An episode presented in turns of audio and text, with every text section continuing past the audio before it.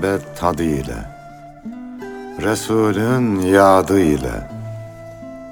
Rahman ve Rahim olan Allah'ın adı ile, gözyaşıyla gül destanı.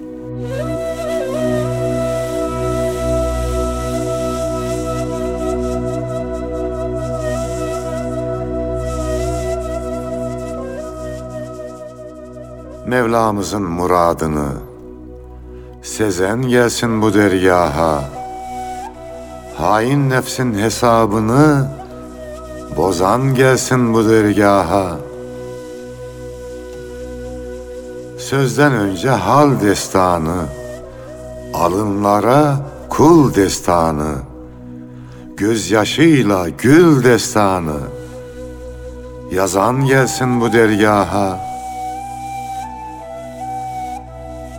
Akıl niçin divanedir?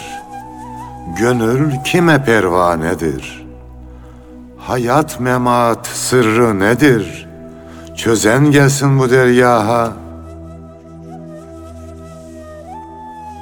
Yalan dünya bir şelale, Ruhu koyar halden hale, Can gemisi, gül cemale, Yüzen gelsin bu dergaha.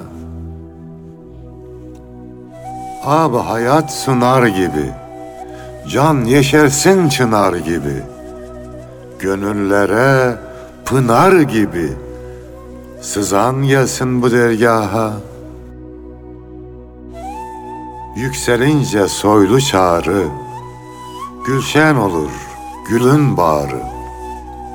Rotasını hakka doğru, çizen gelsin bu dergaha rotasını Hakk'a doğru çizen gelsin bu dergaha.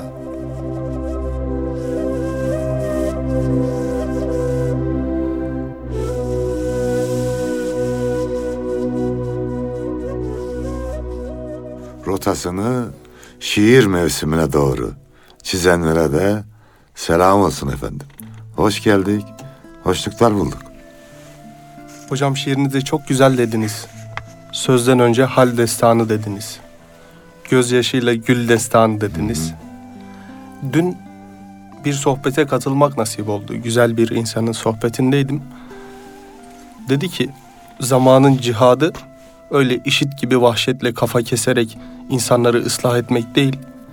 Emre bil marufu sözle de değil, hal ile anlatabilmektir yani sözden önce hal destanı yazmaktır dedi. Çağımız değişti, gelişti. İnsanların bilgisi arttı Yunus'um.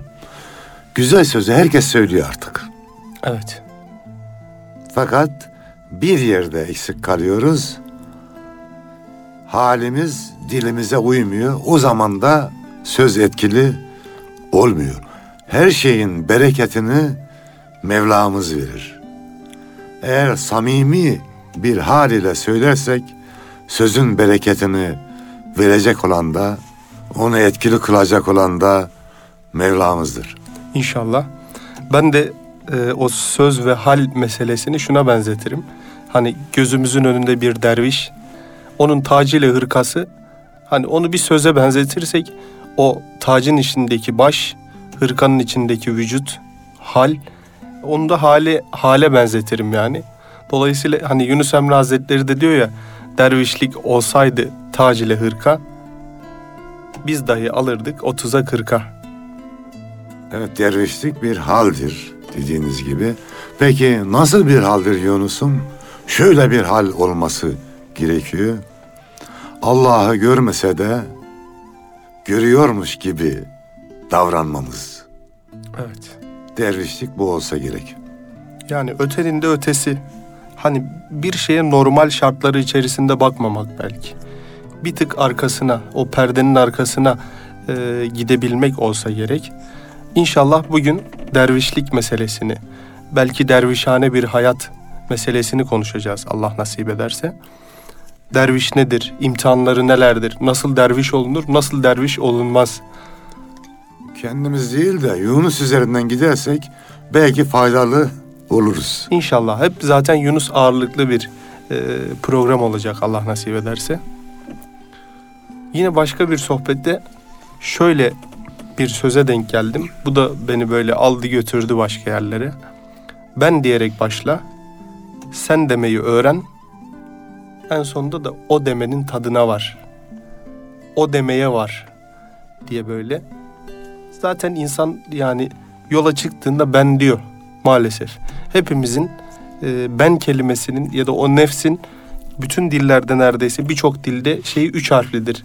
Yani bizim benliğimize e, musallat olan üç harfliler ben, men, ego, ene. Birçok dilde böyle tarif ediliyor. O beni diyoruz maalesef bir şekilde yolun başında. Ama, Ama sen Allah yaratmış zaten bizi. Orada yani böyle bir kulum olsun demiş. Mevlamızın bir varlığıyız. Bunun farkına varmak normaldir. Bencillik yaparsak yanlış olur. Yani şöyle desek hiçbir yanlışlık yok. Ben Allah'ın kuluyum. evet, Ama ben benim dersen iş karışır Yunus'um orada. evet. Çağ bize biraz da hani sen sen sen ben de benim Bunu öğretiyor. demeye çalışıyor, dedirtmeye çalışıyor ne yazık ki. Bundan dolayı sen demeyi doğru düzgün beceremiyoruz belki. O demenin tadına varamıyoruz.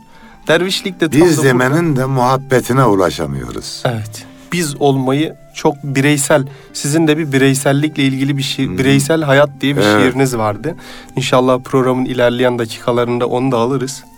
İnşallah Allah bize evvela böyle sen diyebilmeyi, sonra o demenin yani Rabbimizi anabilmenin tadına varmayı nasip etsin. Amin cümlemize.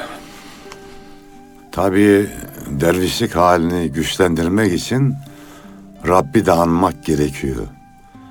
Zikir kalbin cilasıdır. Başkalarıyla tartışmak aklın cilasıdır. Farklı fikirleri dinlemek fikrin cilasıdır. Kalbi cilalamak isteyen de zikirle yapabilir. Peki bunun bilimsel bir açıklaması var mı derseniz var derim Yunus'um. Allah Allah. Japonlar denemişler yani normal suya kötü sözler söylüyorlar. Suyun hücreleri değişiyor. Korkunç bir hal alıyor. Sonra güzel şeyler söylüyorlar. Suya ve suyun hücreleri güzel şekiller alıyor. Şimdi insan vücudunun büyük bir bölümü su değil mi? Evet, yüzde yetmişi su.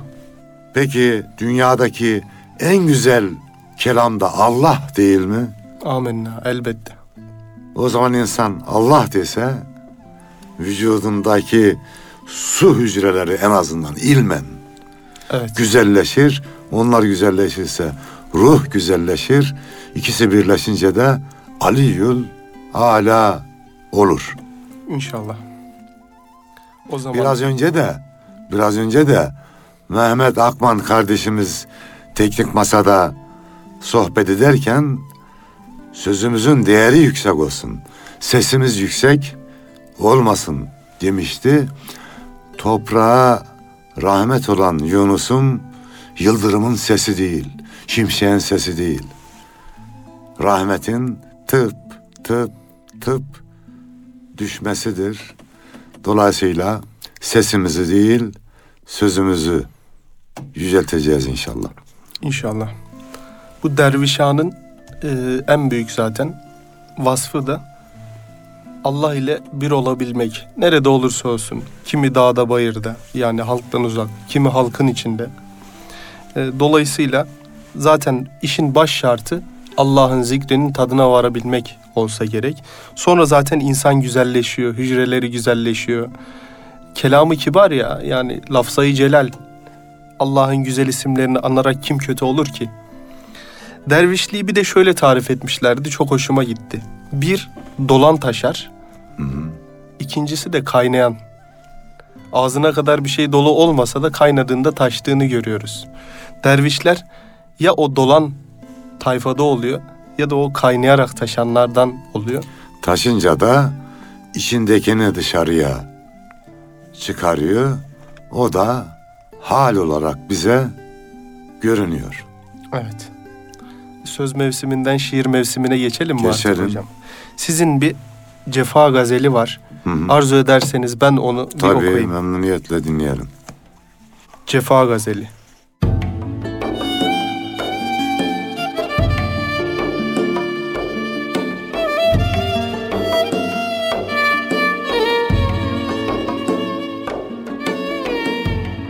Ufukta gam teknesi zannetme sefadır bu. Yürekleri kavuran rüzgarı cefadır bu. Bir gülen var mı acep ta ezelden ebede? Çekilen mihnet değil, bir borcu ifadır bu. Mutluluğu tatmadan göçüp gidersen eğer, sakın gam yeme gönül gamdan istifadır bu. Yükü ahuzar olan bir hüzün kervanıdır. Dolup dolup boşalır, bilmem kaç defadır bu. Şu yalancı dünyada sefa süreyim dersen, sevgi yurduna buyur. Diyarı vefadır bu.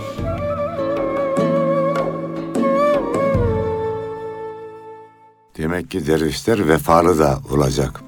Derviş gönüllü olanlar önce Mevlasına, sonra Peygamber Efendimiz Aleyhisselam'a, sonra dostlarına ve fıtratına vefalı olacak.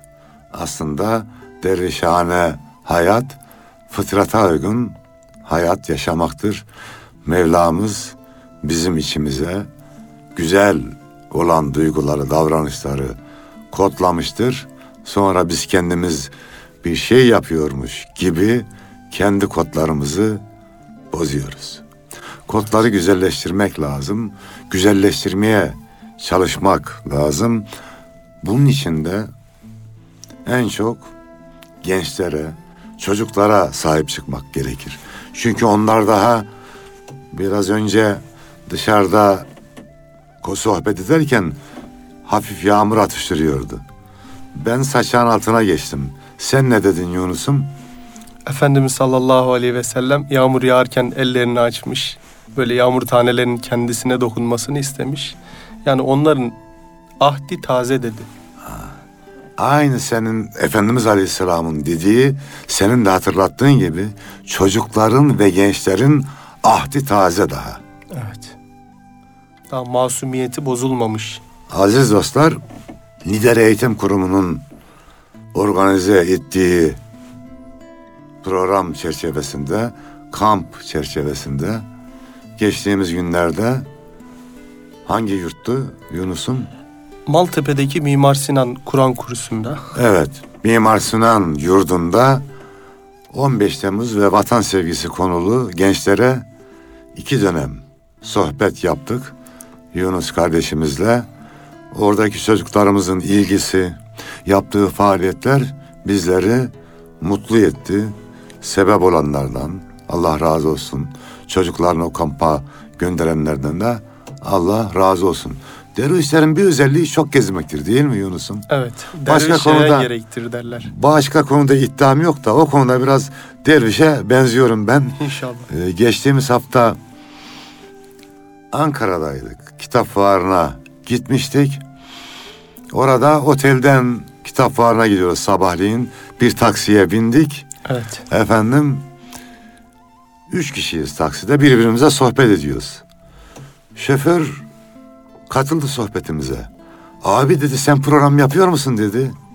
Evet dedim. Sesinden tanıdım dedi. Erkam Radyo'da sen program yapıyorsun dedi.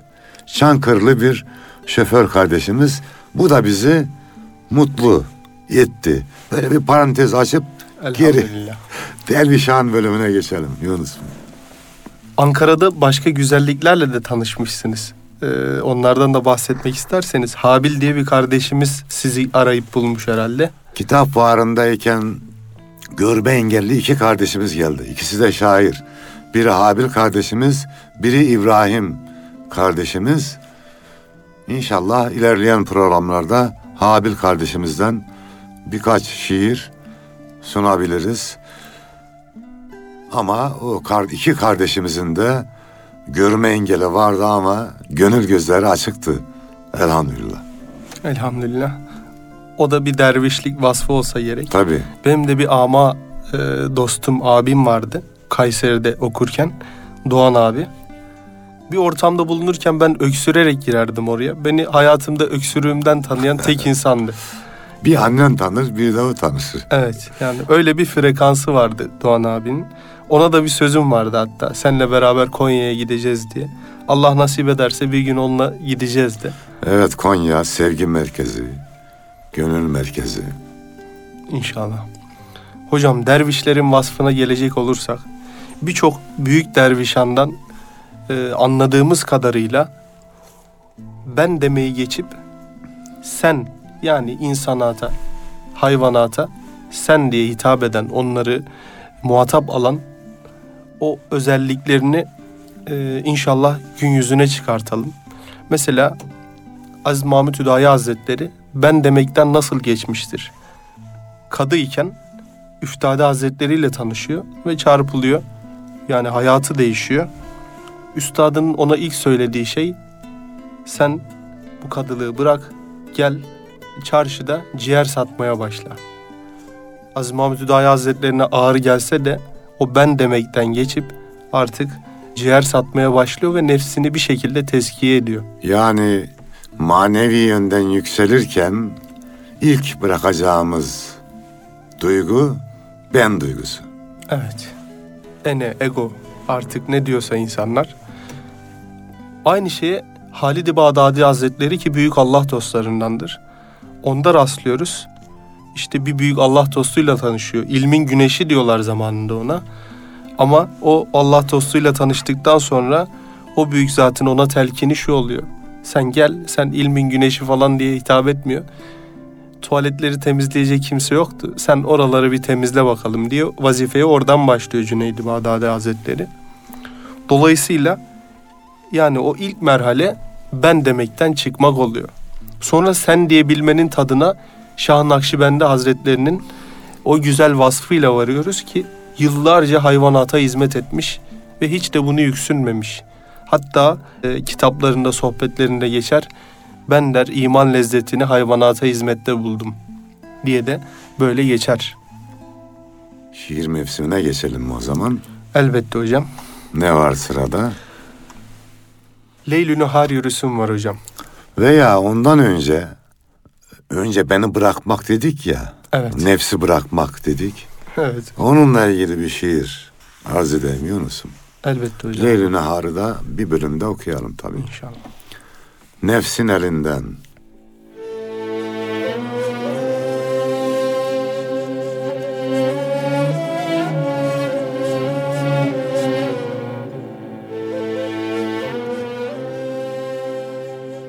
Gönlüm bir işare, nefsin elinden.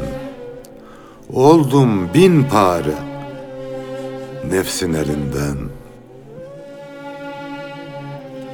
Artar gururum, eksilir nurum, kalmaz huzurum, nefsin elinden. Sermayem zarar, yüküm ahuzar, olmuşum bizar, nefsin elinden. Boyun bükerim, yaşlar dökerim, neler çekerim nefsin elinden.'' Ederim seyran, kesrette devran, yanıyor her yan, nefsin elinden.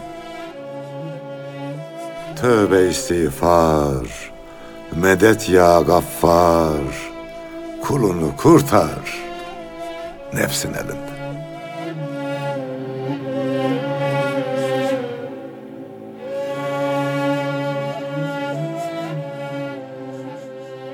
Gerçekten de insanın en zor mücadelesi iç mücadelesidir. Efendimiz Aleyhisselam da bir savaştan dönerken küçük cihattan büyük cihada gidiyoruz demiş. Nedir diye sorulunca da insanın nefsiyle mücadelesi olduğunu belirtmiş. Evet. Dolayısıyla nefisle mücadele etmek zor. Yedi başlı ejderha gibi. Kesinlikle. Birini kessen öbürü devreye giriyor. Onu kessen öbürü devreye giriyor. Sağından, solundan, önden, arkadan saldırıya geçiyor. Bir de iç olduğu için dıştan bir saldırı olsa karşı koyması kolay. Allah yar ve yardımcımız olsun. Hocam yine bu ben ile ilgili meselede Maruf Kerhi Hazretlerinin talebesi Seri Sakati'nin şöyle bir hikayesi var. Böyle bir olayı var yaşanmış. Bir kere diyor elhamdülillah dediğim için 30 sene istiğfar ettim. İşte dervişlik. Bu nasıl olur diye sorulunca da başından geçen olayı şöyle anlatıyor. e, Sırrı Sakati Hazretleri. Bir keresinde Bağdat'ta büyük bir yangın çıkmıştı. Yolda beni karşılayan bir adam da Üstad çarşıda yangın çıktı ama merak etme senin dükkan yangından kurtuldu dedi. Ben de habere sevinerek gayri ihtiyari elhamdülillah dedim. 30 senedir o elhamdülillah değişimin istiğfarı içerisindeyim. Benim Müslüman kardeşimin evi dükkanı yanarken ben elhamdülillah dersem kendimi e, mahzun hissederim. Dolayısıyla bundan dolayı. Demek ki dervişliğin bir özelliği daha çıktı ortaya. Kendinden çok başkalarını düşünmek. Evet. Bu özelliği var. Derviş olmanın özelde, genelde Müslüman olmanın şartı bu. Bu yangından bir devam edelim Yunus'um. Şimdi bir komşumuzda yangın çıktığı zaman koşup kurtarıyoruz. Doğru mu? Evet. Müslüman olmasa bile adamın yanmasına gönlümüz razı olmaz. Elbette. Bir insan Müslüman olmadan öbür dünyaya giderse ne kadar yanacak Yunus'um orada? Ebedi. O zaman Müslümanların, dervişanın çok çalışması lazım. Önce kendimizi kurtaracağız tabii. Sonra da diğer kardeşlerimizi dünya ateşinden, ahiret ateşinden kurtarmalıyız. Bunun için çok çalışmalıyız. Kendin yanmadan başkasını kurtaramazsınız. yani. Evet, yakamazsın da başkasını. Hocam sözü şuraya getirelim. Zamanımızda dervişlik dendiğinde maalesef artık uçuk kaçık şeyler anlaşılıyor. Yani bu, bu biraz ağrımıza da gidiyor aslında. Çünkü bu medeniyetin, Anadolu medeniyetinin hamurunu böylesi güzellikler kardı. Böyle güzel Allah dostları yoğurdu bu hamuru. Mayasıydı mayası. Dervişler toplumun mayasıydı. Evet. Dolayısıyla yani bizi var eden bu ananeleri bize zerk eden onlardı. Ahmet Yesevi mayalamıştır bizi. Yunus Emre mayalamıştır. Mevlana mayalamıştır. Ve nice Allah dostları. Evet. Yani adamlar İslam'ı kaba ve küt yaşamaktan ziyade o İslam'ın inceliklerini hem yaşıyor hem de yaşatmak için gayret ediyorlar. Dolayısıyla uçuk kaçık ne olabilir ki? Bugün maalesef e, böylesi şeylerle, ithamlarla karşılaşıyor dervişlik. O zaman güzel örneklerini sunmak gerekiyor burada. Yani her zaman dervişana saldırı olmuştur. Evet. Onlar haliyle cevap vermişlerdir. Anlasınlar, dervişler şöyle, dervişler böyle desinler. O özellik bizde olmadıktan sonra bize yapışmaz o. Çamura atanlara döner. Her ne kadar çamura at tutmazsa da izi kalır derler ya. Yok yok. Sen saf ve temiz olduğunda o çamur sahibine geri döner. Güzel örneklerini sunmak gerekir. Dervişlikte de ilke olarak benimsediğim Feridun Attar'ın bir sözü var. Zahire uymayan batın batıldır. Acizane görüşüm dervişlik İslam'ı en saf, en doğru şekliyle yaşamaktır. İslam'ın takva halidir. Öyle diyelim. Dervişlik budur. İslam'ın takva halidir. Kur'an'ı, sünneti, müstehabı en güzel şekilde hayata geçirmektir. Kesinlikle. Hocam söz mevsimi dedik, şiir mevsimi de dedik. Evet. Bir de Yunus mevsimi var bu programın. Olsun. Eksik Üstadımız odur. Amenna. Yunus Emre Hazretleri'nin o zaman dervişlik dedikleri şiirini onunla başlayalım. Sonra bu dervişlik nedir diye bize anlatıyor. Bir de dervişlik ne değildir diye anlattığı bir diğer şiiri var sen derviş olamazsın diye. Nasıl hangisini okumayı arzu edersiniz hocam? İlki siz okuyun. İkinciyi aciz okusun. Dervişlik dedikleri.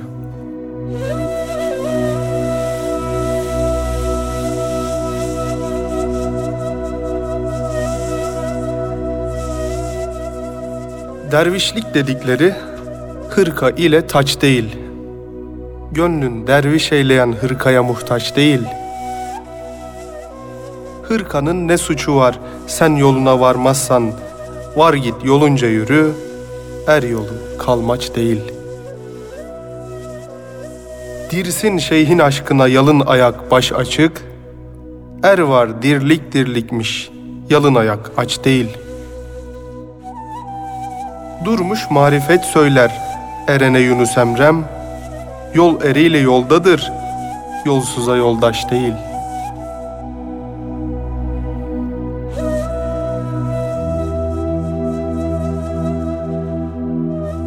İlk dörtlüğü bir daha okuyalım Yunus'un. Dervişlik dedikleri hırka ile taç değil, gönlün derviş eyleyen hırkaya muhtaç değil. Kaygısız aptal da yine buna benzer söylüyor. Bu Adem dedikleri el ayakla baş değil. Adem manaya derler. Suret ile kaş değil. Müthiş. Mevlana da öyle söylüyordu. Birçok insan gördüm. Üzerinde elbise yoktu. Birçok güzel elbise gördüm. içinde insan yoktu. Asıl olan iştir. O zaman dervişlik iç güzelliğidir Kesinlikle. diyebiliriz. Bunu güzelleştirmeye çalışmaktır. Bunun kaygısını çekmektir. Zaten içi güzelleştirdikten sonra biraz önce sizin de buyurduğunuz gibi kaynamaya başladığında o güzellikleri taşırır. Ne güzel taşırmış değil mi Yunus Emre Evet. Hazretleri? Zaten yazmak da biraz taşmak olayıdır. Evet. Burada yol kelimesini özellikle vurgulamış ki Yunus Emre Hazretleri'nin bu metaforları gerçekten çok manidardır. Günümüze ışık tutar. Hatta bir kıtasından bir kitap çıkartıyorlar. Yani öyle bir mana derinliği var Yunus Emre'mizin. Yolsuza yoldaş değil diyor. Yol eriyle yoldadır diyor. Dolayısıyla bir yolda olabilmektir. Biz hep ararız ya da aradığımızı düşünürüz. Aramanın reklamını yaparız ya da yolun lafını söyleriz. Ama yola düşmek biraz daha zorlaşır, ağırlaşır. Gayret istiyor biraz o. Evet. Biraz irade istiyor. Kendi kendine olmuyor yola düşme. Evet. Fakat yola düşünce de Allah onun şevkini, heyecanını veriyor insana. Yorulmuyorsun. Evet. Bir de güzel yoldaş olunca E, tabii. ne demişler? Önce yoldaş, sonra yol. Hocam yine dervişlik hususunda Yunus Emre'nin gönlü derviş eylemek ile ilgili e, meseleyi açarsak, gönlünü derviş eyleyen hırkaya muhtaç değil diye. Bu literatüre baktığımızda, bu dervişlik kültürüne baktığımızda insanın mayasını muhabbetle karmak olduğunu görüyoruz dervişliğin. Sonra söz ehli değil hal ehli olduğunu. İmanın lezzetini alabilmeyi görüyoruz yine dervişlerde. Yunus Emre'nin Hazretlerinin bir de dizisi vardı. Bilmem dinleyenlerimiz izledi mi? Tavsiye de ederiz. Onun hayatından bir güzellik sunuyor bizlere. Aslına ne kadar yakındır değildir. Yanı sıra orada verilmek istenen mesajı alırsak Tatlı Emre var, Yunus var. evet. O güzel bir diziydi. Evet. Bir de hocam dervişliğin insan atölyesi olduğunu söylerler. Çok güzel bir tabire rastladım böyle. Yani insan tezgahı. Ruh atölyesi desek Evet, ruh atölyesi. o da olur. Dolay- İnsan atölyesi olur. Evet. Yani bugün maalesef dediğimiz gibi dervişliği hep uçuk kaçık şeylerle anıyorlar. Halbuki yani bir şey tanımaya niye onu en kötü özelliğinden başlayalım ki? Onun en kötü reklamından başlayalım ki? Yani işte dediğim gibi güzel örnekleri sunmak lazım. Rahmetli Mustafa Necati Sepetçioğlu'nun o kapı, anahtar, kilit romanlarını okumuştum. Orada bir şey dikkatimi çekmişti. İşte Ahmet Yesevi'nin dervişleri geliyorlar. sadece bir köşeye çekilip zikir yapmıyorlar. Onu yapana da bir şey demiyoruz. O ayrı. Adam demirci ustası çalışıyor, vuruyor şeyi, zikir çek. Allah, Allah, Allah, Allah. Yol yapıyorlar, taşı dizerken zikir çekiyorlar. Haliyle de hayatımızla da güzel örnek olmamız, numune timsal olmamız Evet. lazım. Numune-i imtisal çok güzel örnek. Hocam sen derviş olamazsın şiirini rica etsek. Tamam okuyalım.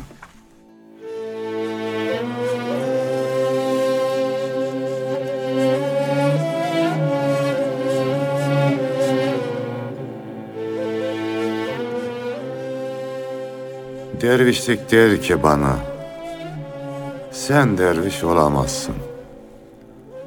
Gel ne diyeyim sana, sen derviş olamazsın. Derviş bağrı baş gerek, gözü dolu yaş gerek, koyundan yavaş gerek. Sen derviş olamazsın. Dövene elsiz gerek, sövene dilsiz gerek. Derviş gönülsüz gerek. Sen derviş olamazsın. Dilin ile şakırsın, çok maniler okursun. Vara yuva kakırsın. Sen derviş olamazsın. Doğruya varmayınca, mürşide yetmeyince, hak nasip etmeyince, sen derviş olamazsın. Derviş Yunus gelimdi, ummanlara dalimdi. Ummana dalmayınca, sen derviş olamazsın.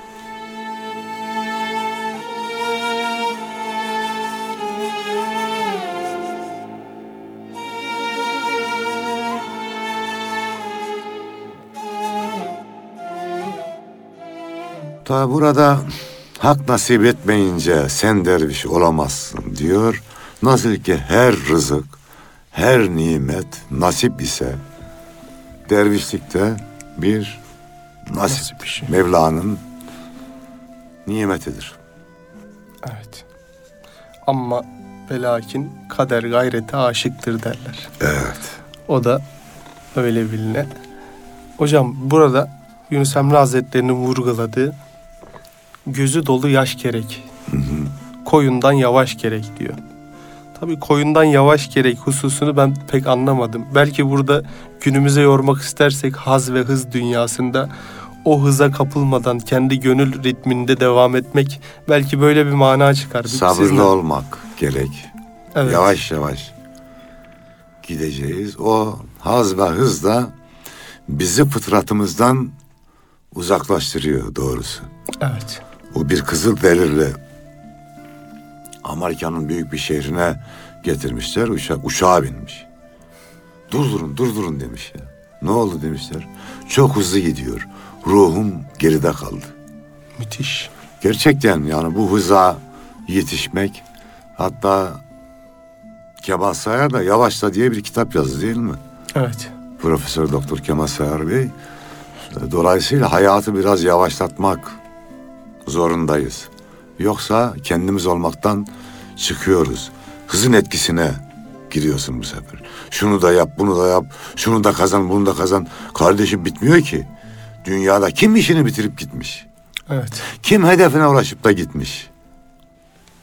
Bütün hayatlar, bütün hayaller yarım kalmıştır. Bizimki de yarım kalacak.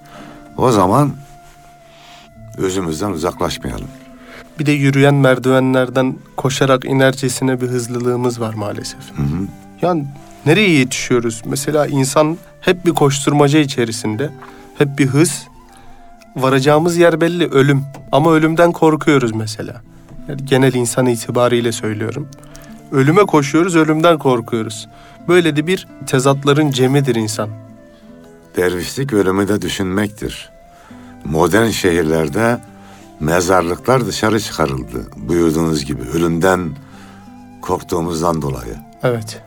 Ama hala Karadeniz'de kendi bahçelerine gömenler varmış cenazelerini. Her zaman onu görüyor ve ölümü hatırlıyor.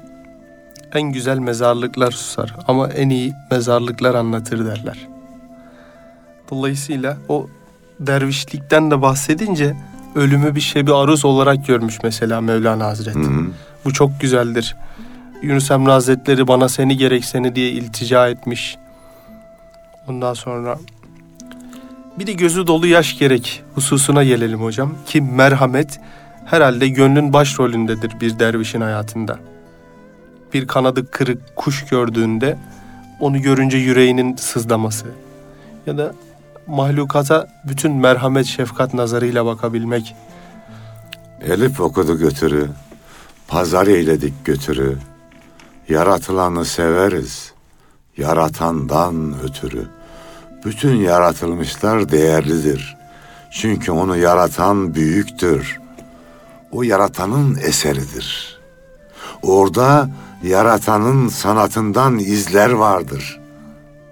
Ve gördüğümüz her şey aslında bakmasını bilirsek bize Allah'ı hatırlatır.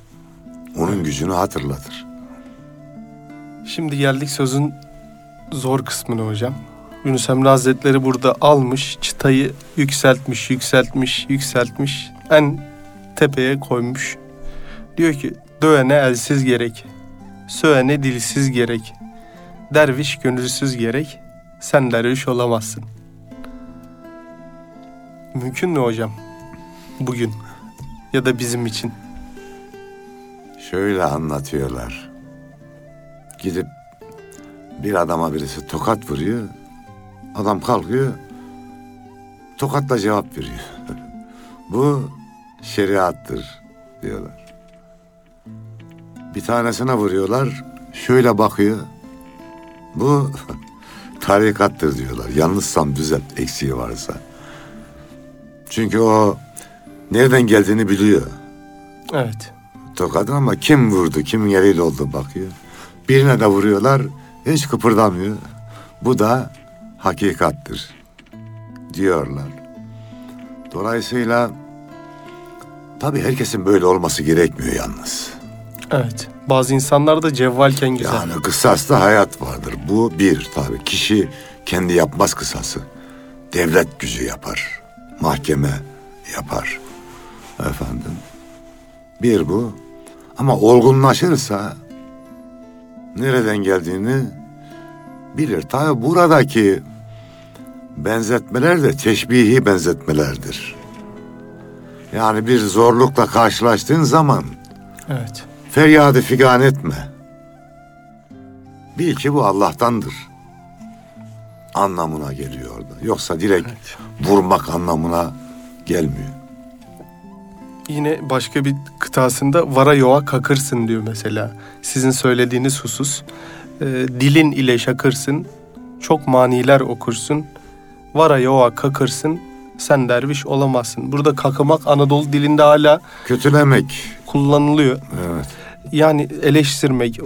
onun aleyhinde konuşmak vesaire. Eleştirmek hastalığı, eleştirmek putu da maalesef yine zamanımız putlarından bir put. Kendi yanlışlarımızı düşünsek, dürbünü kendi içimize çevirsek, başkasına bakacak zaman bulamayız. Evet. Ama insanoğlu böyle hep başkasını tenkit etmeyi seviyor. Halbuki kendimizde ne hatalar var. Bunu da en iyi kim biliyor? Bir Allah biliyor. Bir de biz biliyoruz. Kendi kendimizi kandırmayalım o zaman. Yine birçok programda tekrar ettiğimiz gibi o Mevlana Hazretleri'nin abide sözü kusur ararsan tüm aynalar senindir buyuruyor Mevlana Hazret. Böyle. En son kıtada yine güzel Yunus Derviş Yunus gel imdi ummanlara dal imdi ummana dalmayınca sen derviş olamazsın diyor. Ve en sonundaki o son basamağı rıza makamında söylüyor. Yüce Mevla bizleri kendine layık kıl. Peygamber Efendimiz'e layık ümmet eylesin. Vesselam.